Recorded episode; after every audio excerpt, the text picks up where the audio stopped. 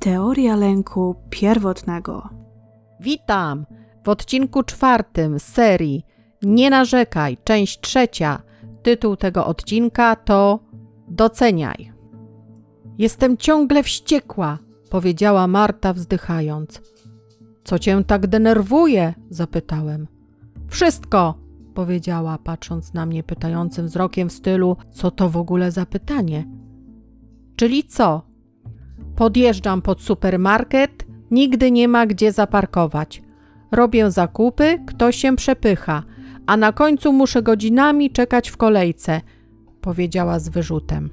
Zastanawiałeś się kiedyś, co z nami zrobiło życie w komforcie? Dlaczego staliśmy się tak pretensjonalni, tak bardzo nieszczęśliwi? Myślę, że winny jest dobrobyt i życie w komforcie. Zauważ, że ludzie pamiętający wojnę nie mają takich odczuć. Oczywiście, że potrzebujemy odrobiny odpoczynku i luksusu. Jednak z komfortem nie możemy przesadzać, bo wpłynie on na nas negatywnie. Po prostu staniemy się samolubni.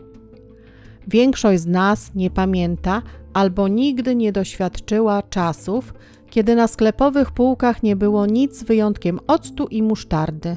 Żeby kupić coś do jedzenia, trzeba było stać całymi godzinami w kolejce i liczyć na to, że produkt, którego potrzebujemy, akurat się nie skończy. Obce nam są czasy, gdy z każdym zarobionym groszem pędziło się po nowe buty, ale nie było naszego rozmiaru.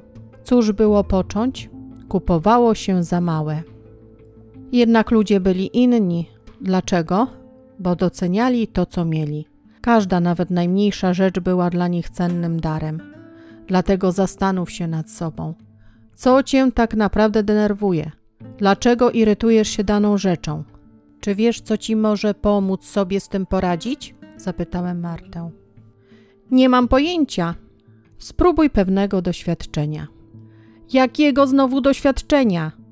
Chodzi o kontrastowanie. To znaczy? Marta zaczęła dopytywać. Chodzi o to, by spojrzała na siebie i swoje życie z odpowiedniej perspektywy. Dzięki temu to, co cię teraz denerwuje, sprawi, że zaczniesz to doceniać. To niemożliwe, rzuciła. A jednak pomyśl proszę o tym, co cię denerwuje. Powiedziałaś, że brak miejsca na parkingu, rozpychający się ludzie i kolejki w sklepie. Czy to są wielkie rzeczy?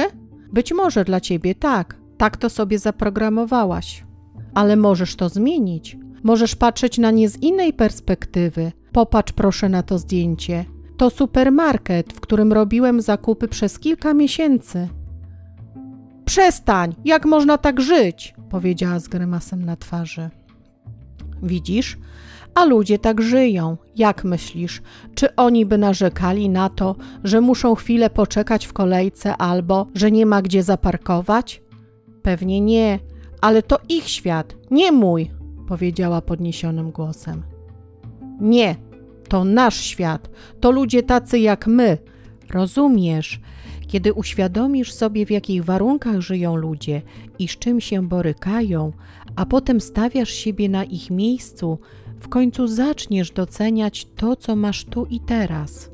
Może nie masz wpływu na kolejkę, ale masz wpływ na to, jak wykorzystasz ten czas, kiedy w niej stoisz, kiedy myślisz o trudnościach, jakie mają inni. Od razu twoje parametry się zmieniają. Mówisz sobie: Dziękuję ci, Boże, za to wszystko, co mam. To jest docenianie. Docenianie sprawia, że odzyskujesz radość z życia, bo zaczynasz dostrzegać, jakim jesteś szczęściarzem. Ale to nie takie łatwe, powiedziała.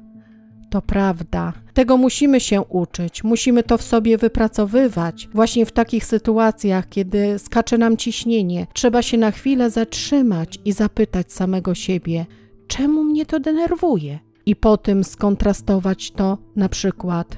A gdybym była w państwie, które ma tylko ryż do jedzenia i w dodatku trudno go zdobyć, co bym czuła? Zaczynasz wtedy rozumieć, że przesadzasz i mówisz sobie, ale mam szczęście. Zastępujesz negatywne uczucia wdzięcznością. Tak wielu ludzi jest dziś skupiona na tym, co chcieliby mieć albo zrobić, a nie na tym, co mają. Ta zła perspektywa sprawia, że są ograbieni z radości życia i popadają w depresję. To przykre, Każdy z nas ma ogromny potencjał i nie warto go skrywać, a już tym bardziej niszczyć. Czasami trzeba po prostu go odkryć.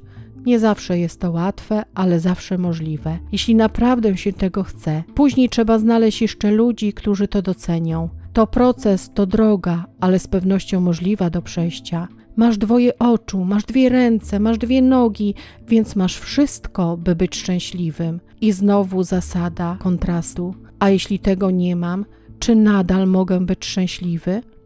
Myślę, że znajdziecie odpowiedź na to pytanie, oglądając tą krótką historię Nika Wójcika. Link do tego filmu dostępny na moim blogu. Dowiedz się więcej na www.pedulski.com.